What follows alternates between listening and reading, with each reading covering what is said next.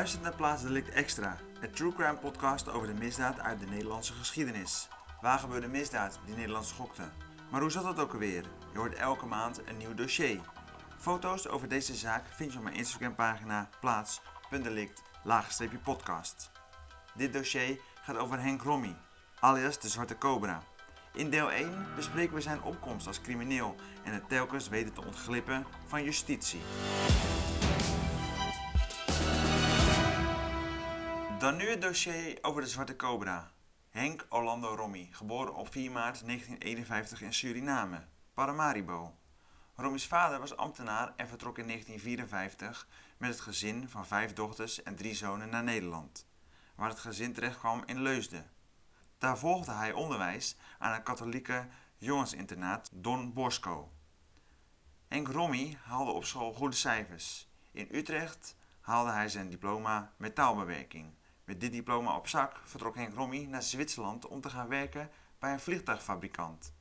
Vanwege de lage lonen keerde hij echter al snel weer terug naar huis. Hij koos echter voor het snelle geld. Hij pleegde een paar inbraken en handelde al snel in gestolen antiek en tweedehands auto's, waarvoor hij uiteindelijk werd opgepakt. Tijdens het voorarrest wist hij twee keer te ontsnappen uit een politiebureau, om vervolgens weer opgepakt te worden. In 1974 werd hij onder andere vanwege een postzegelroof veroordeeld tot 12 maanden gevangenisstraf. Eind 1977 werd Henk Rommy veroordeeld tot drie jaar gevangenisstraf vanwege betrokkenheid bij een handel in gestolen schilderijen, waaronder een doek van Rembrandt. Uit zijn tijd als inbreker dateert zijn bijnaam de Zwarte Cobra. Henk Rommy beweerde dat hij in die tijd zo lenig was dat hij door een sleutelgat zou passen. Hij is geen grote eter, doet ook niet aan drugs of drank.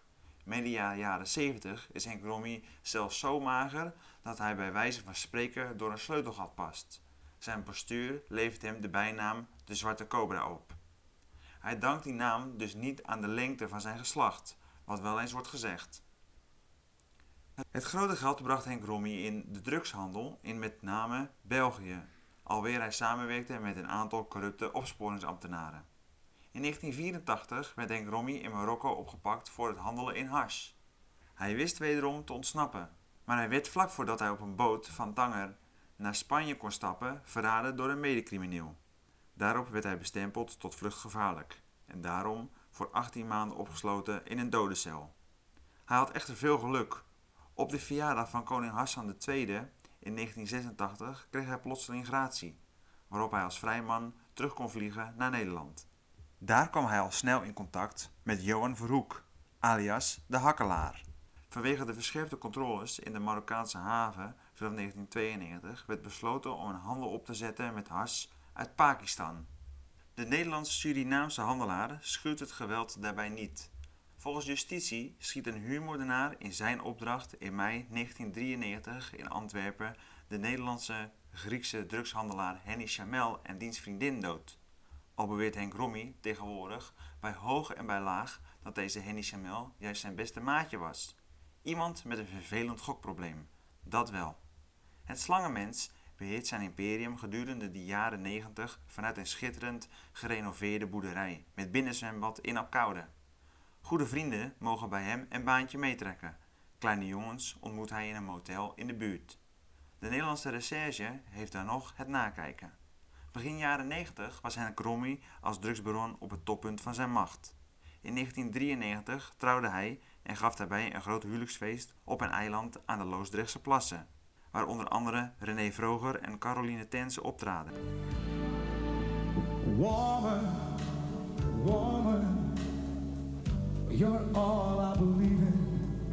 Als u een uh, stoeltje kunt vinden, u kunt ook hiervoor op de dansvloer gaan zitten op een stoeltje. Want dan kunt u even rustig genieten. Veel plezier.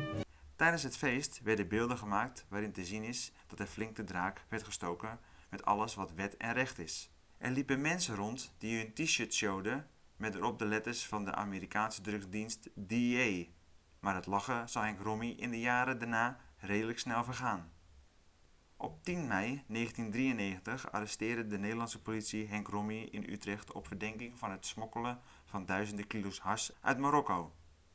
Hij krijgt een gevangenisstraf van 5 jaar en een boete van 1,5 miljoen gulden. Na een jaar komt hij weer vrij, omdat het Openbaar Ministerie vergeten is te melden dat het een inkijkoperatie heeft laten uitvoeren. Een inkijkoperatie is een opsporingsmethode voor de Belgische en Nederlandse politie waarbij via een discrete en heimelijke manier informatie mag worden vergaard op een private plaats buiten het medeweten of zonder de toestemming van de bewoner-eigenaar. Enkel om rond te kijken. De inkijkoperatie verschilt door zijn heimelijke karakter van een huiszoeking. Een jaar later werd Henk Rommie opnieuw gearresteerd, dit keer voor wapenhandel. Tot deze tijd deed de Zwarte Cobra zijn naam eer aan, door telkens door de armen van vrouw Justitia te glijden. Maar dan. Amsterdam, 15 maart 1994. Voor het politiebureau van de Leijenberglaan stopt een vrachtwagen met erop twee zeecontainers. De ernstig verwarde bestuurder had zich al eerder die dag gemeld. Dat gebeurde eerst rond een uur of vier. Toen kwam hij aanrijden met een Mercedes en hij was erg zenuwachtig. Teft een paar politiemensen. Die politiemensen geeft hij een koker en zegt: Dat wil ik even aan jullie geven, want daar zit een pistoolmitrailleur in. Voor de politiemensen maar iets konden terugzeggen, was hij alweer vertrokken met zijn auto. De politiemensen hadden het kenteken wel genoteerd. En wat bleek achteraf, in die koker zat geen pistoolmitrailleur, maar een telescoop. En die hebben ze toen naar de gevonden voorwerpen gebracht. Zo ongeveer 3,5 uur later komt hij weer het politiebureau binnen. Toch een beetje in paniek. Hij zegt: Hier voor de deur staat een hele grote truc met oplegger en daar zit een compleet laboratorium in en allerlei andere spullen om ecstasy te maken. De agenten waren erg verbaasd. Ze zijn gaan kijken en inderdaad, daar stond die truc met allemaal spullen erin. De man is vervolgens aangehouden en voordat hij werd voorgeleid, zei hij: Nou, ik zal even mijn pistool afleggen. Hij pakt een pistool en dat legt hij daar neer op de balie. Er zaten geen patronen in en ook in de houder die erbij zat, zat geen patronen. Daarna is hij vastgezet. Vervolgens heeft hij in de loop van tijd diverse verklaringen afgelegd. Vele keren heeft deze man verteld over allerlei andere criminelen. Daar gaf hij informatie over. Het is de dan 36-jarige epenaar Rob Kouwveld, grote harshandelaar, die in het verleden werkte voor ex-autocoureur Charles Swolsman en de in 1991 bij de Amsterdamse Hilton Hotel doodgeschoten maffiabaas Klaas Bruinsma. Er werd verteld dat deze Rob Kouwveld kind aan huis is bij de criminelen tot 10 uit die tijd. Nu wil deze man schoon schip maken. Hij praat en de Amsterdamse recherche luistert er maar al te graag naar. Uit vertrouwelijke stukken van de Amsterdamse en Utrechtse politie bleek dat Rob Kouwveld veel informatie geeft. Hij noemt grote namen zoals Johan V. alias de Hakkelaar, Ton de Bruin en Jaap van der Heijden, en toenmalig gasbaron uit Alkmaar. Deze mensen waren financiers van megadrugstransporten, waarvan Rob Kouwveld ook nog eens alle details prijsgeeft. Rob Kouwveld bekende ook dat hij in het verleden voor vele tientallen miljoenen aan hars voor Henk Rommie naar Nederland heeft vervoerd, maar daar nooit ene cent van heeft teruggezien. Volgens Rob Kouwveld stond de Zwarte Cobra erom bekend dat hij slecht van betalen is en een eigen rigoureuze manier heeft om van zijn schulden af te komen. Het is opvallend dat diverse personen waarvan Henk Rommie geld schuldig was, om het leven zijn gebracht, al dus Rob Kouwveld. Hij schetst het voorbeeld van Jaap van der Heijden, met wie Henk Rommie het mislukte megadrugstransport met het schip Britannia Gazelle heeft georganiseerd. Ook Jaap van der Heijden had van Henk Rommie nog 4,5 miljoen gulden te goed, vertelt Rob Kouwveld. Dit en het feit dat Van der Heijden veel wist over de handel en wandel van Henk Rommie heeft waarschijnlijk geleid tot de liquidatie van Jaap van der Heijden. De penitentiaire inrichting Westlingen in Heer Hugo Waard. Zaterdag 10 april 1993. Jaap van der Heijden verlaat even met weekendverlof de gevangenis. Tegen 12 arriveert Van der Heijden bij zijn woning aan de Luttink Ouddorp in de Alkmaarse binnenstad. Als Jaap van der Heijden de plastic tas aan de voordeur hangt, wilt pakken, wordt er op afstand een explosief in de tas tot ontploffing gebracht. Ooggetuigen zien Van der Heijden door de lucht vliegen en zwaar gewond op de walkant landen. Hij overlijdt enkele uren later.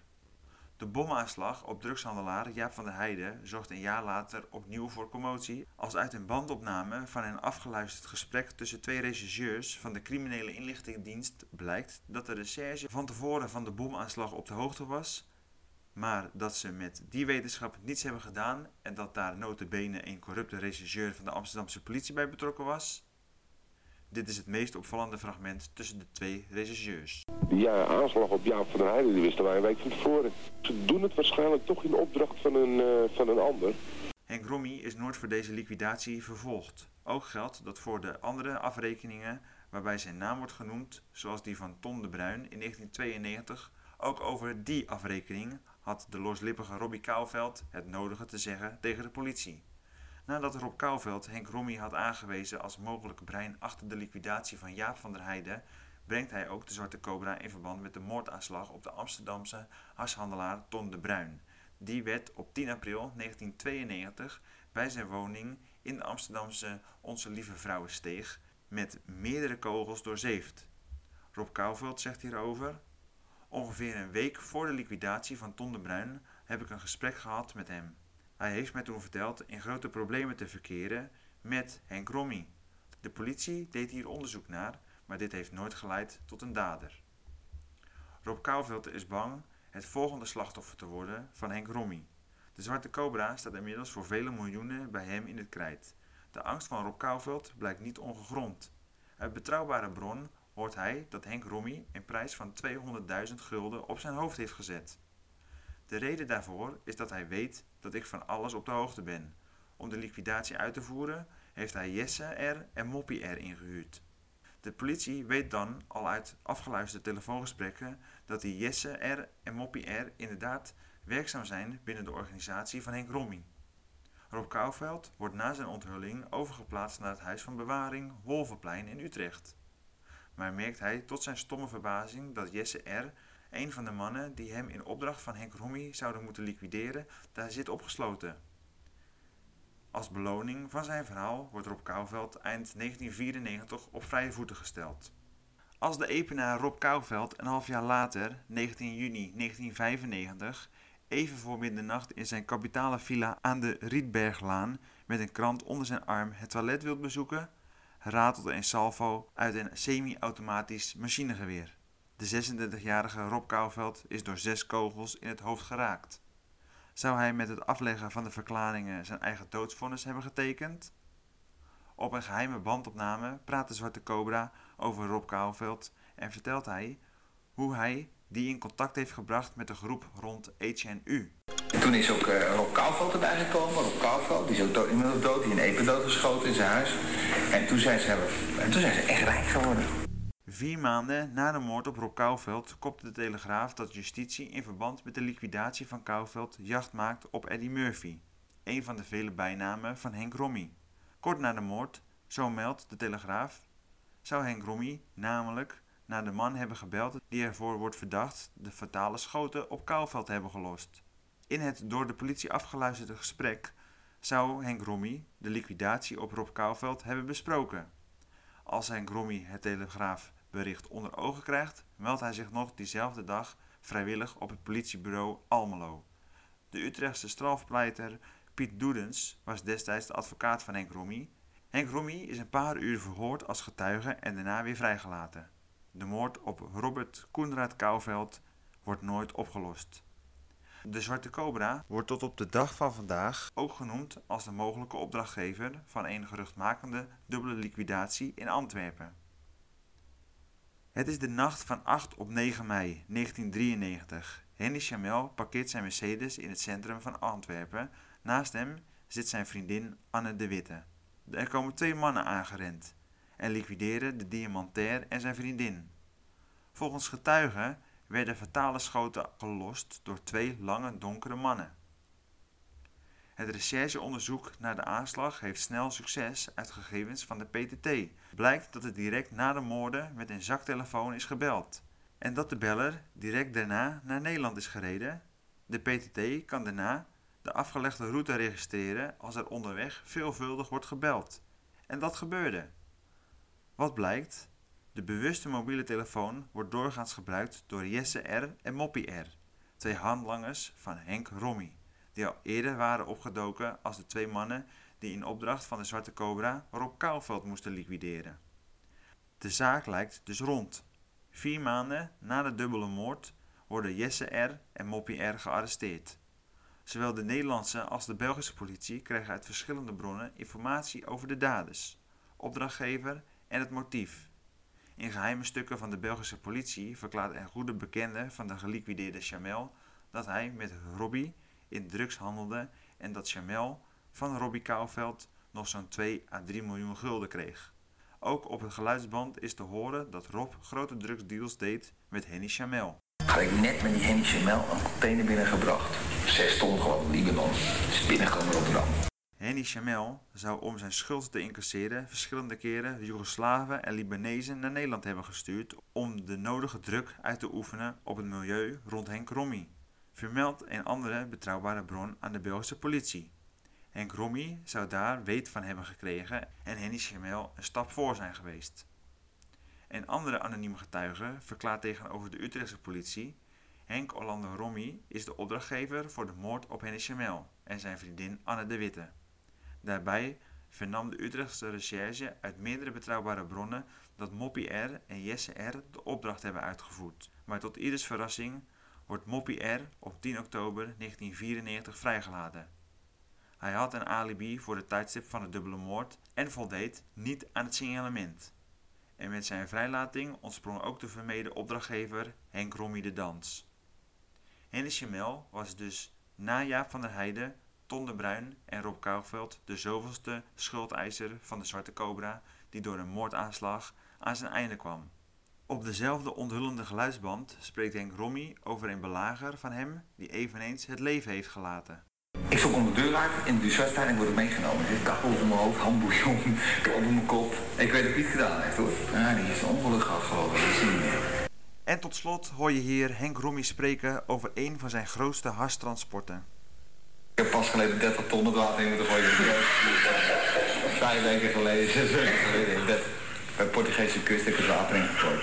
Oh. Ik ben in een verloren zaak van Kreet Alexander. Dit was deel 1 over de Zwarte Cobra, Henk Rommy. Komt hij overal zomaar onderuit? In deel 2 bespreken we zijn verraad aan de DEA en mogelijke veroordeling in Nederland. Tot dan!